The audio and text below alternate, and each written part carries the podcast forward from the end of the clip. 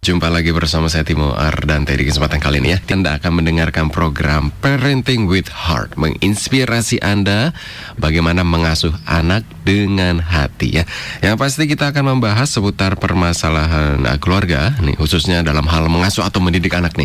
Mulai dari latar belakang kenapa hal itu bisa terjadi Kemudian penyebabnya apa Dampaknya terhadap keluarga atau anak seperti apa Serta pencegahannya bagaimana. Nanti kita akan bahas tuntasnya di program Parenting with Heart dan di Parenting with Heart bekerja sama dengan tim dari Yayasan Busur Emas, yaitu sebuah yayasan yang bergerak di bidang training, coaching, dan counseling. Jadi bagi Anda yang membutuhkan tiga hal tersebut bisa langsung menghubungi Yayasan Busur Emas.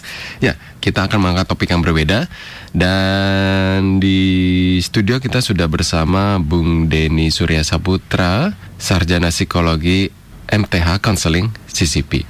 Kita akan membahas tentang bagaimana sih pengasuhan yang tepat dari ibu bagi anak perempuan. Baru kali ini ya.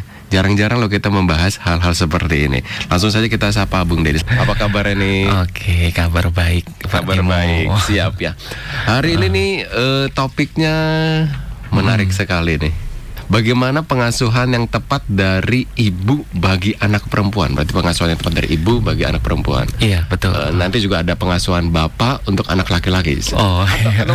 Beda-beda. Setiap setiap pengasuhan itu beda-beda. Iya, Memiliki iya, iya. peran masing-masing atau seperti apa nih? Iya iya iya. Uh, semuanya beda uh, be, uh, berbeda hmm. untuk anak laki-laki dan perempuan, tetapi masih dalam satu prinsip yang sama pastinya tentang pengasuhan ya, hmm, gitu. Hmm, hmm. Baik setiap anak laki-laki maupun anak perempuan membutuhkan pengasuhan yang efektif.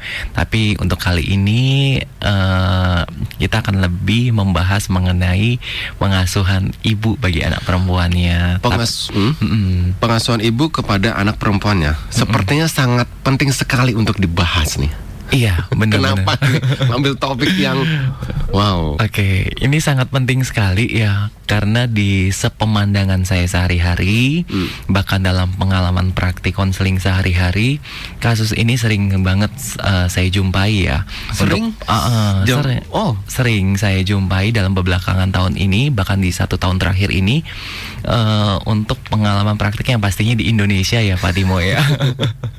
Dan di Tangerang khususnya. Uh, di Tangerang juga hmm. gitu. Saya melihat uh, fenomena kenyataan di lapangan itu banyak masalah terjadi antara ibu dan anak perempuannya. Hmm. Nah, pengasuhan-pengasuhan termasuk juga pengasuhan-pengasuhan yang cukup berisiko dari ibu bagi anak perempuannya. Bukan berarti sekali lagi saya tekankan di sini, bukan berarti ibu negatif ya, bukan berarti ibu gagal atau ibu bermasalah. Hmm. Tapi ini kan bagian dari warna-warni kehidupan pengasuhan orang tua ya. Hmm. Uh, jadi ini penting banget karena saya melihat seperti ini. Yang pertama itu dalam belakangan ini saya melihat ada anak seorang anak perempuan gitu Contoh ya. kasus ini berarti uh, uh, kasusnya. Ini kasus-kasus yang saya hadapi hmm. gitu kan ya. Nah, ada seorang anak perempuan yang begitu dekat banget sama ibunya. Bagus. Teman, ya itu hal yang positif memang hmm. harus kita hargai hmm. gitu. Nah, ibu dan anak perempuan ini sangat dekat. Tetapi uh, satu persoalan yang terjadi di tengah-tengah keluarga mereka adalah ibu memiliki konflik yang cukup uh, serius dengan suaminya yaitu dengan ayah anak perempuan ini. Nah, sementara uh, anak perempuan ini seperti mengalami satu trauma gitu ya, hmm. satu trauma bahwa saya nggak mau pernikahan saya nanti seperti ibu saya gitu kan. Nah, trauma itu terbawa ternyata dalam uh, secara tidak sadar ya di alam bawah sadar. Sekalipun dia berusaha dengan komitmen tinggi sekalipun gitu ya, ya bahwa saya nggak mau seperti itu gitu ketika kan. uh, dia melihat mungkin melihat ibunya sering uh, cekcok gitu dengan ayahnya gitu. Iya, uh, uh. ter ibunya terintimidasi atau mungkin ibunya yang lawan ke ayahnya? Uh, tidak sih seperti itu. Yang pasti uh, persoalan di tengah keluarga mereka lah ya hmm, gitu ya, ya bukan masalah bullying ya hmm bukan masalah bullying tetapi masalah pribadi di tengah-tengah keluarga mereka antara ibu dan ayah gitu hmm. kan. Makanya nah, si anaknya, wah nanti uh, kalau misalkan suatu saat saya menikah, saya nggak angin uh, seperti itu gitu. Nah, karena kan kedekatan anak perempuan dengan hmm. ibu kan signifikan ya dari dari dia kecil sampai hmm. apa yang dia lihat itu kan akan mempengaruhi paling tidak kepribadiannya dan bagaimana cara dia memperlakukan uh, suaminya di dalam rumah tangganya gitu. Nantinya. Ha-ha. Dan kebetulan uh, anak perempuan ini ketika dia menikah, dia memang berusaha untuk "Oh, saya nggak mau seperti itu gitu. Hmm. Nah pada saat dia nggak mau seperti itu, tetapi trauma itu mengikutinya gitu kan. Nah akhirnya tanpa disadari eh, muncullah kembali persoalan yang sama seperti ibunya muncul di dalam rumah tangganya dan itu kan tidak pernah dibuat-buat gitu ya. Padahal Padahal dia berusaha untuk Nah. berkomitmen. Mhm. Nah, pada saat komitmen disertai dengan trauma, nah itu yang menjadi kecemasan yang tingkat tinggi. Jadi dia memperlakukan bukan sebagaimana pasangannya gitu untuk anak perempuannya ini, tetapi dia sambil eh, seperti diintimidasi dengan kecemasan di Dirinya masa sendiri. lalu gitu ya, Mhm. hubungan dia dengan ibu dan ayahnya gitu. jadi ibaratnya dia benar-benar nggak menjadi dirinya. Ha-ha, Hmm. gitu. Padahal tapi eh, harapan eh, satu yang positif adalah dia memiliki harapan yang positif gitu ya, Hmm, dan dia berusaha banget gitu. Hmm. Dan berikutnya juga ada persoalan di mana eh, ini yang sangat sangat riskan sekali gitu ya. Seorang ibu dengan anak perempuannya dengan persoalan ibu yang ini di satu perkampungan di Indonesia di sini di Indonesia juga loh ya. Di salah satu perkampungan atau di desa gitu ya di desa X gitu. Nah kebetulan klien saya ini dia eh ibunya itu dituding di labeling eh, sebagai wanita pelakor gitu ya. Wow. Nah, itu dan di situ dia merasa hancur di situ. Dan dia memang menyaksikan bahwa ada laki-laki beristri Mm-mm. di depan anak perempuannya seperti itu dan ibunya itu eh, kedapatan sedang eh, berelasi gitu ya Mm-mm. dengan laki-laki dan dia tahu bahwa laki-laki itu beristri. Dan dia melihat langsung. Heeh, dan dari situ dia katakan bahwa saya merasa kecewa gitu kan. Dengan saya heeh, saya merasa marah dan sampai 20 tahun lebih hidupnya dia terkekang dengan eh, ke, apa namanya ya batin yang yang tertekan gitu ya tekanan batin bahwa dia tidak bisa mempercayai laki-laki sepanjang dia hidup gitu Oh. sampai pada akhirnya dia datang konseling gitu ya Hmm, membutuhkan konselor gitu dan ada juga eh, ibu-ibu dengan riwayat banyak ya ternyata Nah, ya kasusnya. itu ya yang saya juga temui bahkan yang sangat-sangat eh, prihatin gitu ya Hmm, untuk hmm. anak TK gitu anak Hmm. perempuan anak TK dengan ibu eh, PSK ya gitu Wow. dan eh, ya itu kita tidak menutup kemungkinan gitu Hmm, kan. Toh itu kehidupan mereka kenyataan mereka gitu kan. Ya kita tidak berhak juga untuk eh, apa namanya melabeling negatif. Menjudge, hmm. ya kita nggak bisa menjudge. Toh itu memang kehidupan kenyataan ibu dan anak Pilihannya perempuannya itu. itu pilihan tetapi ini menjadi masalah ketika eh, di sekolah ada gejala-gejala yang negatif sehingga membutuhkan konseling anak gitu kan. Wow. dan ketika menghadapi anak ini dia hanya berbicara kepada bonekanya dia berbicara kepada dirinya sendiri bahwa aku memiliki papa baru setiap hari gitu kan dan Aku memiliki papa baru setiap tapi kan Wow. itu kan anak kecil gitu ya. Mhm. Toh itu bagian dari perjuangan hidup eh, orang-orang yang seperti itu yang Hmm. kita nggak pernah tahu bahwa mereka juga bertahan untuk hidup gitu Hmm, kan. hmm, Nah, cuman mungkin caranya yang keliru Hmm. seperti itu ya Pak Timo ya. Nah, Heeh. makanya dari banyak kasus yang tadi telah disebutkan oleh Pak Denny ini Mm-mm. Ditariklah kesimpulan ternyata pengasuhan seorang ibu itu sangat penting untuk eh, Iya, dan seorang itu anak perempuan. sangat penting Hmm, banget, hmm, sangat hmm, penting banget. Nanti kita akan lanjut lagi Oke. tentang pembahasan kenapa sih pengasuhan eh, seorang ibu yang kalau misalkan nggak tepat ini ternyata ada pengaruhnya. Kalau tepat pasti juga ada dampak positifnya bagi Oke. seorang anak perempuan. Dan kita masih membahas tentang bagaimana sih pengasuhan yang tepat bagi eh, dari ibu bagi anak perempuannya. Kalau tadi kita di awal sudah memperdengarkan nih, eh, Bung Denny sudah memberitahukan contoh kasus banyak banget ya, Bung Denny ya. Iya. Serem ini kasusnya.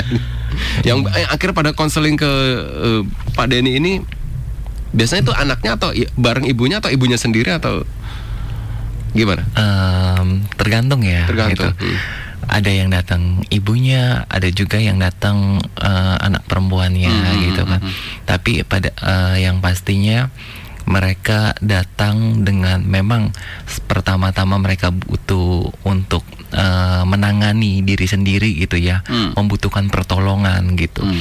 untuk eh, bebas dari tekanan itu gitu. Mhm. Tapi nggak semuanya negatif gitu Oh. nggak semuanya loh negatif karena eh, ada eh, hasil penelitian tentang kepuasan pernikahan seorang eh, perempuan gitu ya Hmm. ada yang mengatakan seperti ini gitu ternyata pada saat ibu memberikan pelayanan yang terbaik bagi keluarganya ter- terhadap suami dan anak-anaknya dan itu jelas dilihat oleh eh, anak perempuannya Mhm. ketika dia diwawancari dalam satu penelitian tentang kepuasan perkawinan dia katakan seperti ini bahwa ternyata ya karena ibu saya sudah memberikan contoh dan teladan seperti itu saya jadi lebih siap loh untuk eh, mengurus rumah tangga saya untuk memperlakukan suami saya.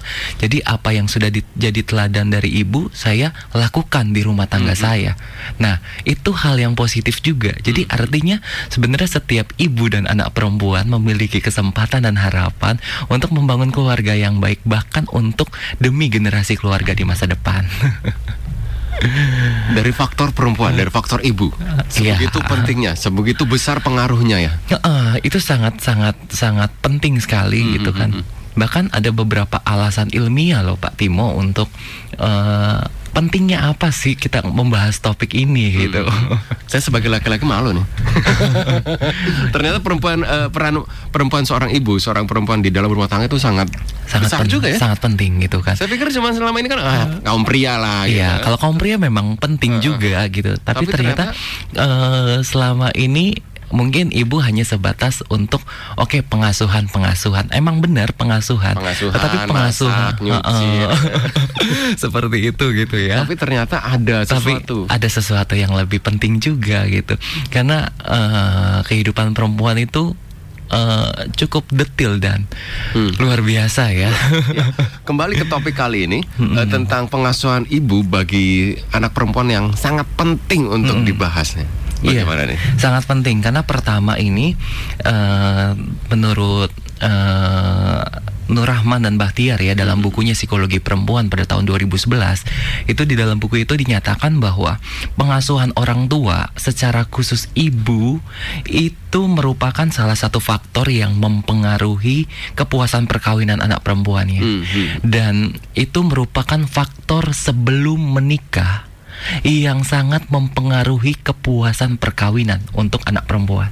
Anak perempuannya nanti. Ha-ha, gitu. Wow. Dalam penelitian ini ya, dalam penelitian dalam, eh, dalam ranah psikologi perempuan Berarti Kalau gitu. misalkan suatu saat eh, saya punya anak laki-laki pacaran dengan anak perempuan, lihat dulu nih. Oh, orang tuanya baik gak ya? Ibunya baik gak ya? Sama, bukan masalah anak perempuan aja seperti itu ya. Ah. Jadi baik anak laki-laki maupun perempuan pun, ya semua harus mereka kan harus butuh hmm, hmm. pengasuhan yang tepat gitu, yang pengasuhan yang efektif gitu kan. Bukan hanya kepada anak perempuan aja kita bisa lihat orang tuanya, tetapi anak laki-laki juga pun bisa seperti itu Hmm, hmm, gitu. Yang pasti kali ini kita masih membahas tentang eh, pengasuhan ibu bagi anak perempuan ya.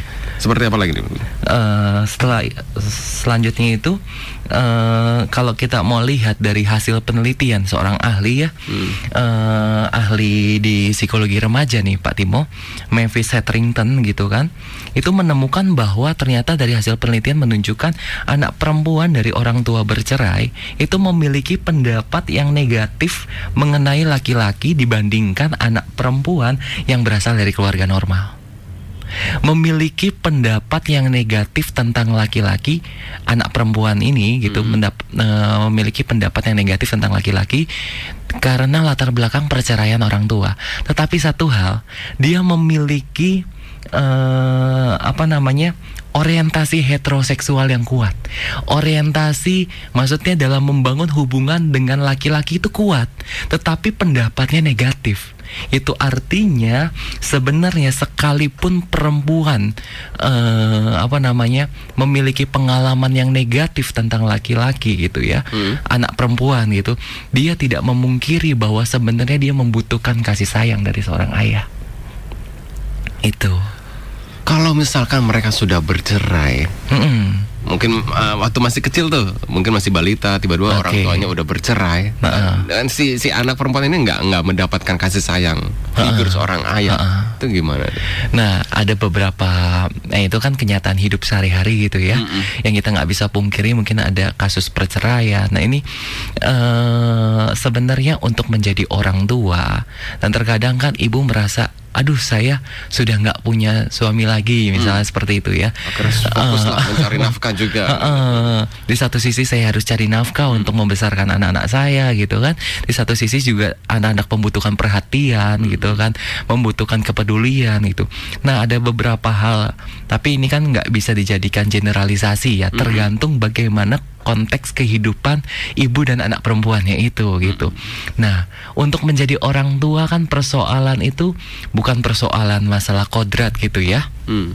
Tetapi untuk menjadi orang tua itu kan bisa menjalankan peran ketika single parent pun bisa mengisi peran ayah dan peran ibu. Nah, eh di situlah letaknya. Mungkin karena sudah ada perceraian, double peran seperti itu. Eh pekerjaan jadi jadi istilahnya peranan pun double gitu ya. Tetapi bisa juga eh diatasi gitu kan mungkin dengan cara siapa yang paling signifikan di situ. Entahkah figur figur ayah siapa gitu kan figur siapa yang bisa mengisi figur ayah gitu kan. Figur-figur signifikan di tengah-tengah keluarga entah pamannya, entah eh, kakeknya, tetapi paling tidak ya Pak Timo untuk pengalaman praktik di Indonesia nih gitu ya. Untuk kasus-kasus seperti ini di tengah-tengah perceraian gitu orang tua bercerai dan anak eh, saya pikir anak-anak di Indonesia itu perlu untuk eh, memiliki kekuatan untuk menjalankan realita kenyataan sehari-hari. Untuk bisa mendapatkan kenyataan hidup menerima kenyataan hidup sehari-hari. Karena beberapa kali saya terima kasus ya pernah saya mendapatkan anak perempuan yang sudah bercerai bahkan orang tuanya sudah bercerai dan akhirnya nggak punya orang tua lagi gitu kan sampai dia ditinggalkan oleh ayah dan ibunya gitu. Hmm. Sampai ketika mohon maaf karena ada beberapa kasus terjadi yang sangat-sangat berat sekali sampai anak ini pun diperkosa gitu kan dengan eh, keluarganya sendiri gitu loh. Dengan Oh. saudaranya sendiri gitu. Dan akhirnya dia sekarang hidup sendiri dengan berusaha sendiri. Nah seperti itu dan akhirnya jauh lebih positif untuk bisa memulihkan hidupnya dan itu artinya sampai dia bilang saat ini saya hanya bisa terima kenyataan tetapi saya percaya saya bisa membangun hidup saya sebagai seorang perempuan anak perempuan yang lebih positif Hmm, hmm, hmm. Nah, eh, di satu sisi ya bersyukur kalau ada figur ayah yang bisa mengisi gitu ya. Mhm. Tapi di satu sisi bagaimana nanti eh, ibu dan anak bisa bekerja sama untuk oh ya ini kenyataan loh yang saya harus hadapi sama-sama berjuang untuk hari depan yang lebih positif. Itu Pak Timo.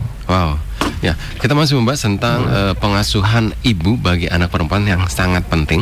Untuk Heartlander yang ingin bertanya atau berkomentar bisa melalui line WhatsApp kita di 0855885106.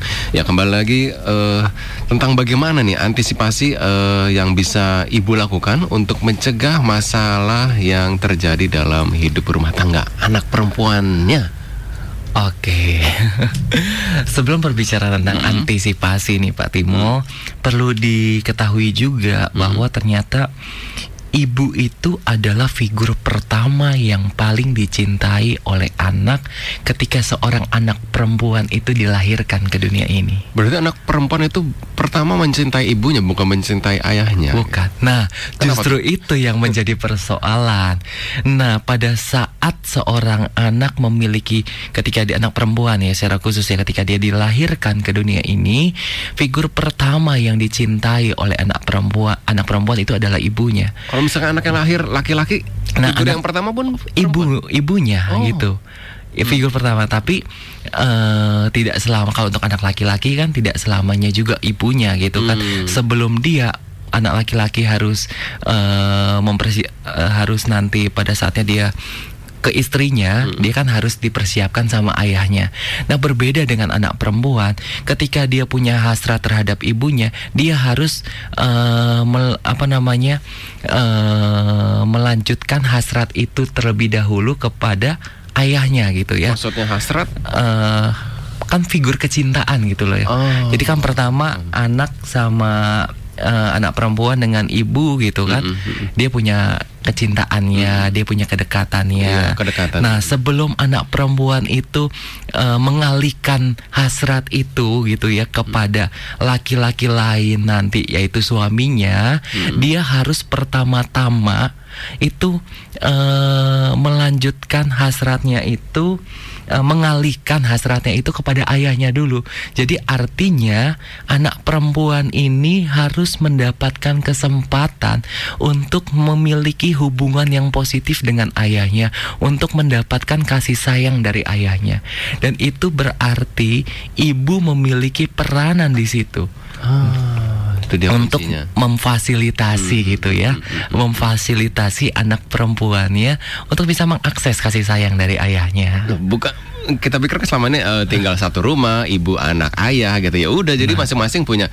Ya udah kalau mau ke ayah ke ayah gitu. Ternyata enggak. Ternyata iya perlu. Nah itulah yang mungkin eh, perlu dari sejak dini ya pengasuhan pengasuhan sejak dini itu sangat penting mulai dari hal-hal yang yang eh, sederhana gitu kan sampai pada akhirnya nanti anak perempuan ini memiliki kecukupan tentang emosi yang positif bersama dengan ayah sambil dia mempersiapkan Seperti diri. apa sih emosi yang cukup dari diberikan oleh seorang ayah? Apa yang Eh. diperlukan seorang anak dari eh, Oke. kecukupan emosi dari ayah? Ini untuk anak perempuan nih ya, kasih sayang pastinya kasih sayang Pak Timo. Bagaimana seorang ayah eh, memberikan kepedulian, punya waktu untuk anak perempuannya, untuk menyayangi anak perempuannya sekalipun ayah juga memberikan kedisiplinan, ayah memberikan peraturan-peraturan. Nah, anak perempuan baik anak perempuan maupun, anak laki-laki membutuhkan seperti itu. Mhm. Tapi untuk anak perempuan memiliki kasih sayang itu itu positif banget untuk hidupnya sebelum dia nanti eh, mengalihkan hasratnya itu kepada calon suaminya di masa depan gitu. Berarti memang harus ada ruang, mungkin ruang ruang kasih sayang yang diisi oleh sosok seorang ayah gitu. ya. iya, betul sekali. Kalau misalkan eh, ruang tersebut tidak diisi Nah, eh, kasih sayang dari seorang ayah yang terjadi dengan si eh, anak perempuan itu, Nah, itu yang menjadi persoalan ketika dia mengalami kekosongan gitu ya. Ketika dia merasa bahwa saya tidak pernah lo dipedulikan sama ayah. Oh, saya lo nggak pernah. Eh, tapi ini dalam bentuk eh, pembicaraan bahwa normalitas sehari-hari gitu ya. Tanpa kita berbicara eh, bukan persoalan tentang anak ini nakal atau enggak gitu ya. Tetapi mungkin saja ada hal-hal yang keliru sampai akhirnya dia nggak merasakan kasih sayang gitu. Nah, eh, imbasnya adalah kekosongan itu akan terbawa terus sampai ketika dia remaja nanti dan akhirnya salah satu masalah yang bisa terjadi adalah narsistik. narsis suka suka ah, dandan ya. gitu, narsis Buk- suka bukan moto. seperti itu yang Apa? dimaksud. Jadi narsistik yang dimaksud di sini adalah anak perempuan menjadi lebih ingin dicintai daripada mencintai. Karena dia merasa kosong di situ akhirnya kita suka ngelihat bahwa ada anak perempuan yang eh, gonta-ganti pasangan terus dandan yang memang mungkin maksimal untuk menarik perhatian supaya bisa dicintai. Kenapa? Mungkin salah satu persoalannya adalah dia merasa kurang mendapatkan kasih sayang dari figur laki-laki yang pertama di hidupnya nah Itu si eh, sosok ayah itu. Mm, seperti itu. Jadi eh, salah satu masalahnya bukan hanya kekosongan batin, tetapi juga ada yang tadi saya bilang seperti itu ingin dicintai daripada mencintai, karena dalam istilahnya miskin kasih sayang lah gitu ya. Ingin Nah. dicintai ya tapi banyak loh misalkan eh, ngobrol-ngobrol sama teman gitu perempuan gitu ah gue mau pengennya dicintai aja lah nggak mau Nah, mencintai uh-uh. kalau mencintai mah capek kalau dicintai enak gitu. Nah sebenarnya baik laki-laki pun maupun perempuan kan Semua juga pengen ah, dicintai. dicintai dan mencintai kan itu kan Mm. eh, saling berkesinambungan ya, saling ber- Iya. berhubungan. Tadi yang yang tentang ini nih apa sih eh, peran seorang ibu terhadap memfasila- memfasilitasi kasih sayang eh, ayah ini kepada anak perempuannya nih. Mm-mm. Gimana tuh?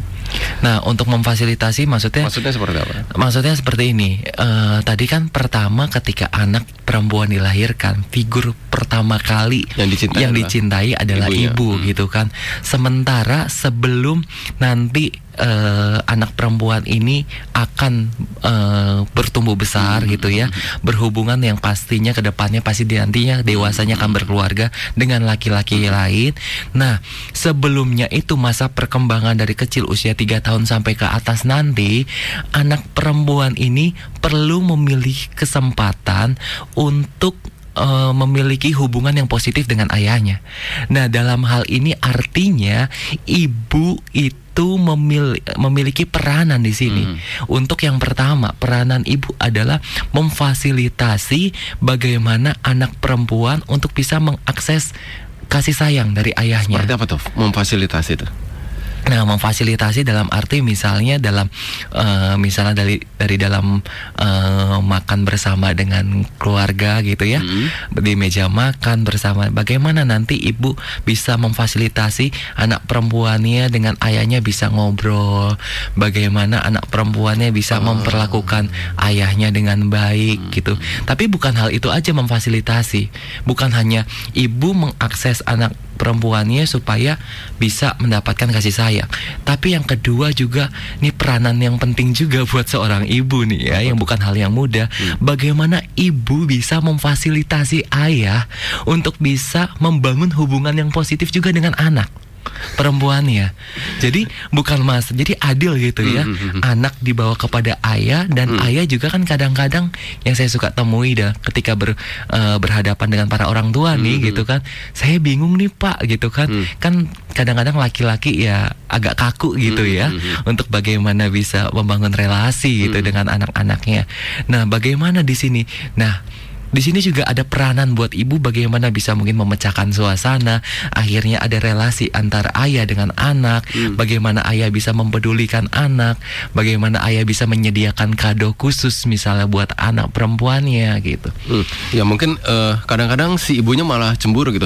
Ini apa-apa buat anak melulu, buat aku enggak. Nah, itu saat itunya apa namanya waktu untuk seperti itunya kan harus Iya. dibagi-bagi Dan gitu ya. si, si, si ayahnya sendiri kadang-kadang juga suka lupa gitu. Akhirnya fokusnya ke anak aja sampai lupa kalau ada istri juga harus dicintai gitu. ya. Harus Uh-uh. diperhatikan. Jadi gitu. sebenarnya laki-laki itu juga ya untuk ayah baik anak perempuan maupun istri itu ya di situ juga tanggung jawab ayah di situ. Hmm, Jadi ayah memperlakukan anak perempuannya sekaligus juga terhadap istrinya dan itu kan juga dilihat oleh anak perempuannya gitu. Baik.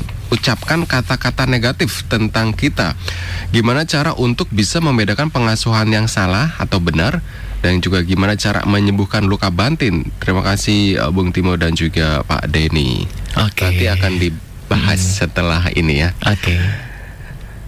Hardliner untuk Anda yang bertanya ingin bertanya langsung saja di 0855 885 1006 ya 0855 885 1006 tapi sebelum saya punya informasi nih Hardliner nanti akan ada eh, training counseling anak yaitu dengan materi dasar-dasar psikologi perkembangan anak, kemudian juga pendekatan sistem dalam konseling anak, pembahasan kasus-kasus anak. Ini lokasinya nanti akan berlangsung di gedung Harley Center dengan pembicara atau trainer itu ada Ibu Atalia Sunario, Master Psikologi atau Master Psikolog. Beliau adalah konselor uh, profesional yang banyak menangani kasus konseling anak dan juga beliau adalah ke- psikolog pendidikan yang berpengalaman menangani evaluasi psikologis anak.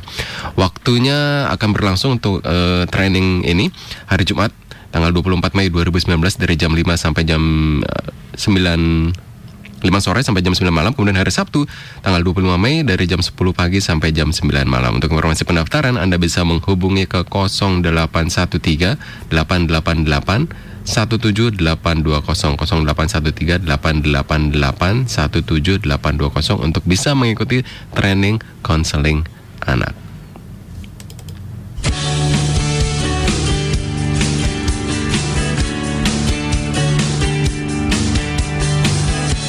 bite my tongue And I won't say a word against anyone But I don't wanna get my fingers wet Unless it's an accident I fell out in the street Now I'm watching my shoes and grit my teeth But I don't have to look that way If I had half a say. It's about time.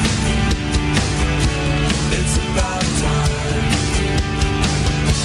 Lick my lips, won't hear the end of this. On your knees and reassurance. Buy some time and come back for it. Before long, before it's gone. Patience is like bread, I say. I ran out of that yesterday.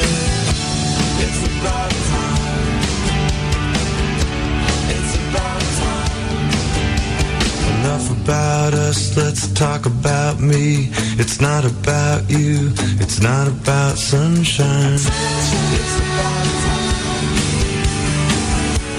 It's about time. Touch my leg. It's smooth, but the stubble there. I'll fall back and let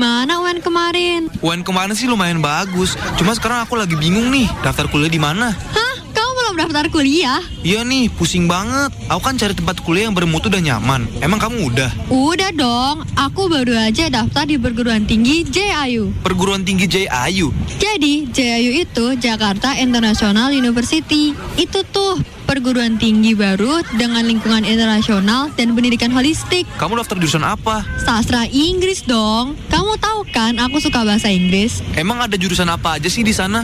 Ada jurusan akuntansi dan sastra Jepang. Terus bahasa pengantar kuliahnya itu bahasa Inggris. Jadi waktu kamu lulus dari sana, bahasa Inggrisnya bisa makin lancar. Lebih kerennya lagi, JIU ada fasilitas beasiswanya loh. Dan karena sastra Jepangnya baru dibuka tahun ini, mereka juga nawarin beasiswa yang menarik untuk calon mahasiswa. Aku juga bisa nggak ya dapat beasiswa? Kenapa enggak? Caranya gampang banget lagi. Kamu cuma perlu mengirimkan fotokopi rapot dan pas foto. Setelah itu, kamu akan didaftarin untuk tes bahasa Inggris dan interview. That's right, JIU invites you dengan pendidikan yang berkualitas, program-program berkelas internasional, dan kesempatan besar untuk meraih beasiswa. Untuk informasi dan pendaftaran mahasiswa baru, hubungi 0811 99 11725 atau hotline 021 221 572 54. Perguruan Tinggi JIU, we dream of your great future.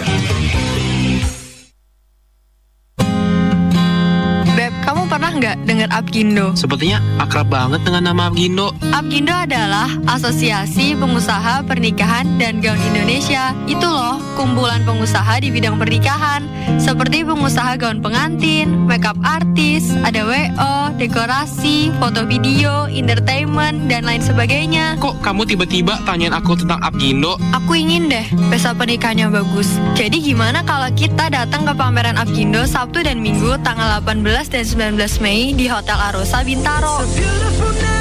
Hadiri in-house wedding expo pertama dari Apgindo Tangerang. Segala vendor pernikahan ada di sini, mulai dari tempat pesta, bridal, dekorasi, kartu undangan, kue pengantin, entertainment, foto video, makeup artist, maupun wedding organizer. Semuanya lengkap. Sabtu 18, Minggu 19 Mei 2019 jam 9 sampai 17 di Hotel Arosa Jalan Veteran nomor 3 Bintaro, Jakarta Selatan. Organized oleh The Specialist Organizer. Free entry. Buka puasa sambil food testing di Wedding in In-House Expo Apgindo Tangerang. Kontak Ruben 0851 00 399 422 atau RV 0812 13 19 2869. Mau nikah? Ingat Apgindo.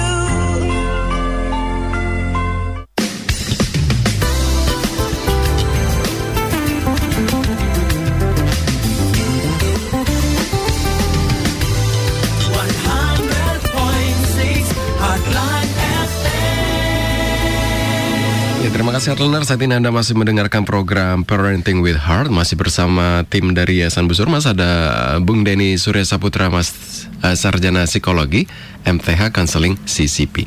Dan untuk Anda yang ingin bertanya berkomentar mengenai topik yang kita angkat kali ini bisa langsung di 0855 885 1006. Dan ini kita masih membahas tentang bagaimana sih pengasuhan yang tepat dari ibu bagi anak perempuan. Jadi bagi Anda yang saat ini memiliki eh, putri ya, khususnya putri ini wajib mendengarkan program ini. Dan tadi sudah ada yang masuk nih pertanyaan eh, Bung Denny tadi ada dari Siska.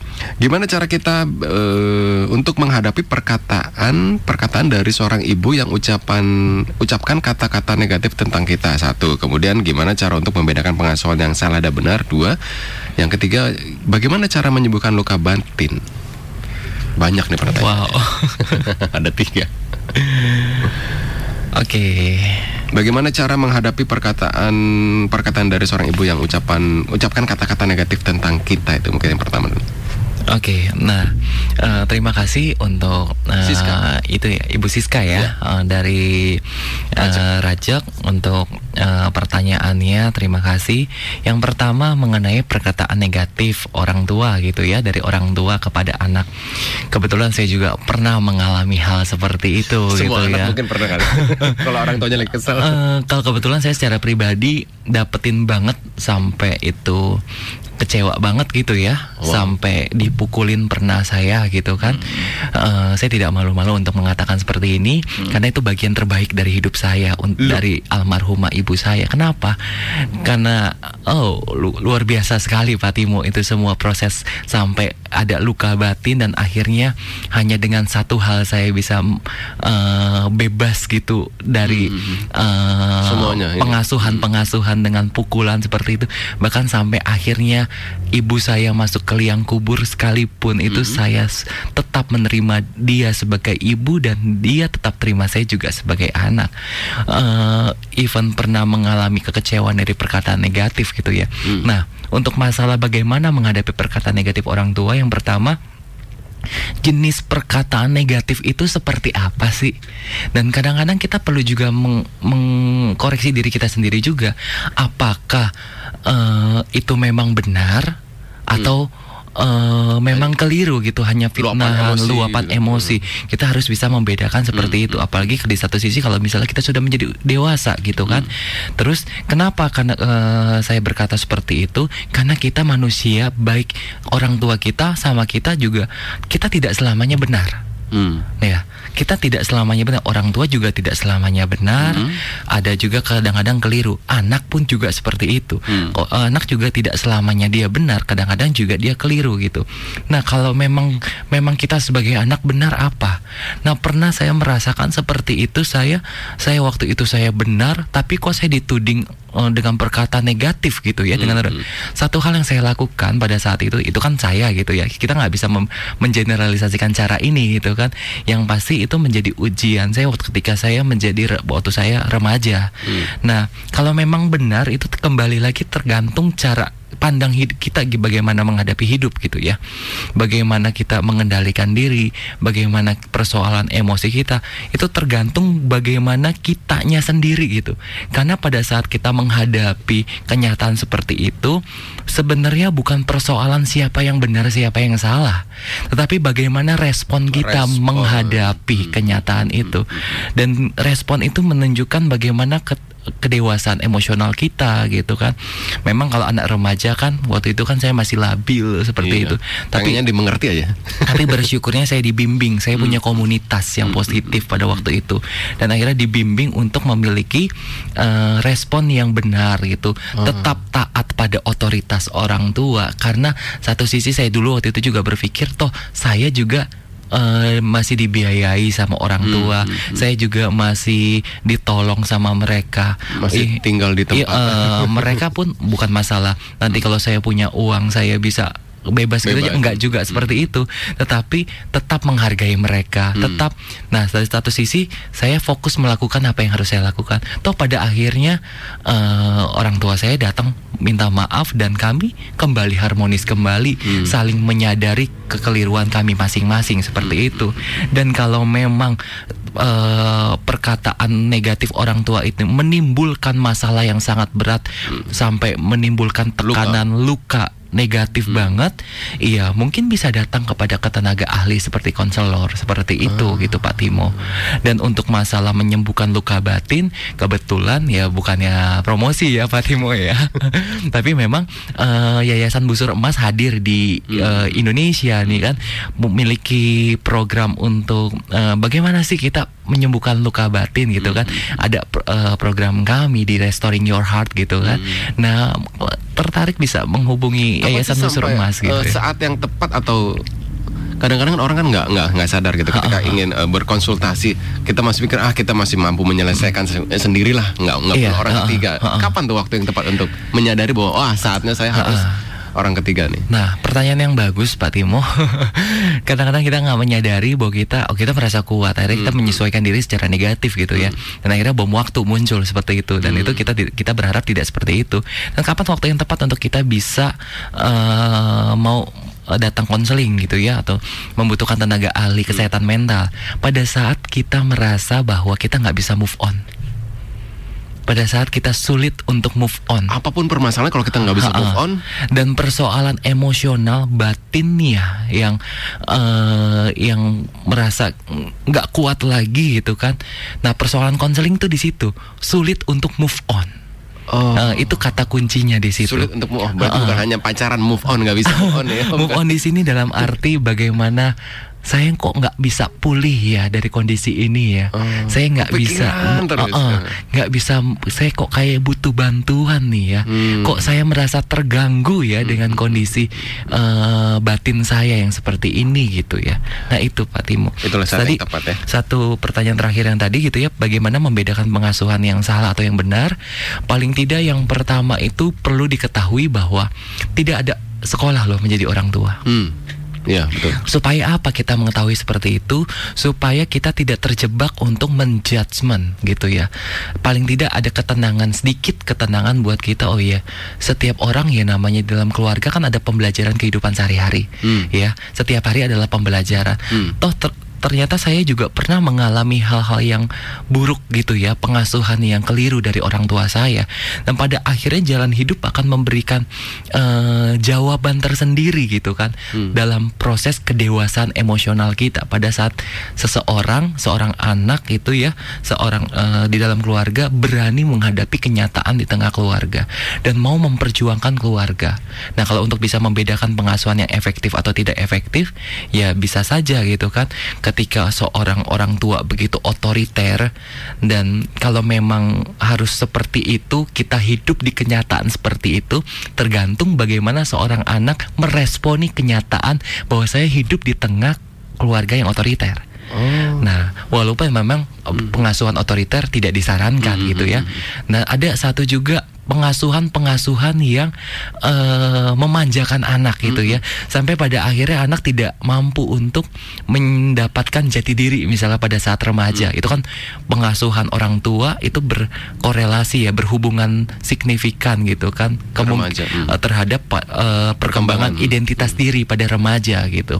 Nah, pengasuhan-pengasuhan yang memanjakan juga tidak disarankan. Tetapi pengasuhan di mana orang tua mengendalikan perilaku anak dengan nilai dan norma yang positif gitu ya. Tapi di satu sisi orang tua juga tetap mengasihi dan menyayangi anak. Nah, pengasuhan-pengasuhan seperti itulah yang diharapkan dikembangkan di setiap keluarga yaitu yang disebut dengan pengasuhan demokratis. Ada kendali eh, terhadap perilaku tetapi ada kasih sayang dan respon yang positif juga terhadap anak. Nah itu yang seimbang di situ Dan nanti menghasilkan anak yang eh, memiliki karakter yang baik. Iya, diharapkan, Diharapkan. seperti itu ya. Karena setiap orang tua juga kan membutuhkan eh, sahabat ya untuk bisa mengasuh anak gitu. Baik. Ya, kembali lagi ke topik ini tentang bagaimana sih pengasuhan yang tepat bagi ibu eh dari ibu bagi anak perempuannya nih. Sehubungan dengan waktunya sudah hampir habis ini. Iya. Mungkin bisa langsung eh, tips-tipsnya atau kesimpulannya atau Oke. seperti apa? Mm, untuk kesimpulannya yang pasti eh, hal utama bagi ibu dan anak perempuan terutama untuk ibu nih ya untuk para pa- eh, untuk para bunda nih di Indonesia gitu kan. Eh, yang pasti yang pertama ibu perlu memfasilitasi anak gitu ya anak perempuannya untuk bisa eh, mengakses hubungan yang baik dengan ayahnya. Dan yang kedua bagaimana ibu bisa memfasilitasi suami ya ayah ayah ayah dari anak-anaknya gitu. Secara khusus ayah dari anak perempuannya ini untuk bisa mengak- eh, memiliki hubungan yang positif juga dengan anak perempuannya. Dan itu artinya juga yang ketiga bahwa hal yang penting ibu bertanggung jawab untuk eh, anak perempuannya memiliki persepsi yang positif juga terhadap laki-laki gitu ya. Tapi bukan berarti oh ini semua berarti di tangan Si ibu. perempuan Heeh. Nah ini kerjasama antara ibu dan ayah pastinya, ya. Jadi bukan masalah ibu yang terlalu wah di di Bebankan. eh, dibebankan gitu ya, tetapi juga sama-sama bukan untuk eh, siapa harus siapa yang lebih baik bekerja buat keluarga, tetapi adalah untuk demi masa depan keluarga yang positif gitu ya. demi demi keluarga yang harmonis di masa depan. Demi kesehatan mental anak perempuan gitu kan. Eh, bukan hanya anak perempuan juga demi kesehatan mental anak-anak Laki-laki jadi semua anak deh ya di tengah keluarga gitu penting untuk ayah dan ibu gitu Wah. bekerja sama untuk hasil untuk eh, mengembangkan pengasuhan yang efektif. Ya, ternyata tadi peran seorang ibu selain eh, kodratnya melahirkan gitu, ya, ternyata Hmm. juga punya peran yang sangat penting nih di tengah keluarga ya. betul sekali Pak Jadi Timo seorang ibu tidak hanya untuk masak, nyuci seperti itu. Hmm. Itu- Nah, pengasuhan itu banyak, sekali banget. ya Mhm. eh, hal-hal yang harus dikembangkan di tengah-tengah pengasuhan Dan itu. ternyata sangat memegang eh, peran yang sangat penting nih kunci ya. Iya, gitu Satu kan. kunci. Dan yang pasti ibu juga di tengah mungkin ada banyak masalah terjadi di tengah keluarga Hmm. kita nggak memungkiri. Tapi bagaimana ibu mau menjaga kestabilan emosi untuk bisa tetap menjadi teladan yang positif karena tadi kan eh, faktor pengasuhan itu merupakan Hmm. faktor kepua faktor yang mempengaruhi kepuasan pernikahan. Hmm. Faktor sebelum anak perempuan menikah. Hmm. Nah itu kan dari hasil penelitian gitu ya. Faktor sebelum menikah yang mempengaruhi kepuasan pernikahan anak perempuan Yaitu pengasuhan dari eh, ibu bagi anak perempuannya Itu Wow. Banyak sekali pelajaran hari ini kita di, di topik kali ini. Dan eh, terima kasih loh untuk Bung Denny Saputra. Sama-sama. Mungkin untuk hardliner yang ingin bertanya lebih lanjut, ingin berkonsultasi lebih lanjut bisa menghubungi ke mana nih? Menghubungi ke nomor saya Mm, boleh. Di 0856 Mm-mm. 112 1400 Bisa diulangi lagi? 0856 112 1400 Baik, terima kasih untuk Bung Denny Sap Surya Saputra, Sarjana Psikologi MTH Counseling CCP. Oke, sama-sama Pak Timo. Siap, terima kasih Bung Denny. Saya Timo Ardante, diri dari pendengar Anda. Keep on growing and never give up.